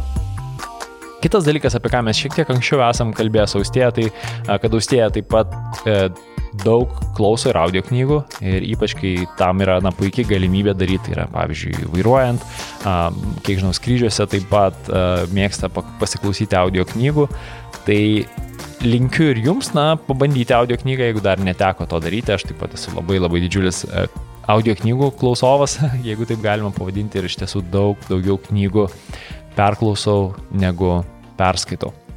Tai Primenu dar kartą, su mumis buvo Austėja Landsberginė ir aš, Aurimas Mikalauskas. Ir podcastas Žmogiški iššūkiai, e, galite jį rasti ir Facebook'e, ir LinkedIn'e, yra sukurtos grupės. E, Galite prisijungti prie tos grupės, kad sužinotumėt apie naujausius e, epizodus, kurie yra išleidžiami, o taip pat galėsite ten užduoti klausimus busimiems laidos svečiams, nes visuomet prieš pradedant laidą svečią aš pristatau ir jūs galite tiesiog iš anksto užduoti tam tikrus klausimus, kuriuos aš perdodu ir beje vataustėjai, turėjom daugiau klausimų netgi, negu juos spėjom užduoti.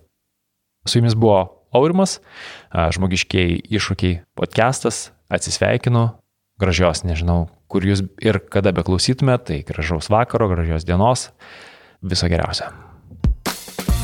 Jūs klausite podcast'o Žmogiškiai iššūkiai. Kad nepraleistumėte naujų epizodų, kviečiame prenumeruoti laidos naujienlaiškį adresu žmogiškiai.lt. Podcast'ą prenumeruoti taip pat galite per Apple Podcast, Google Podcast, Spotify, Stitcher ir kitose platformose. Laidos partneris Audioteka verslui. Nuolatinio tobulėjimo kultūra jūsų organizacijoje. www.audiotekaverslui.lt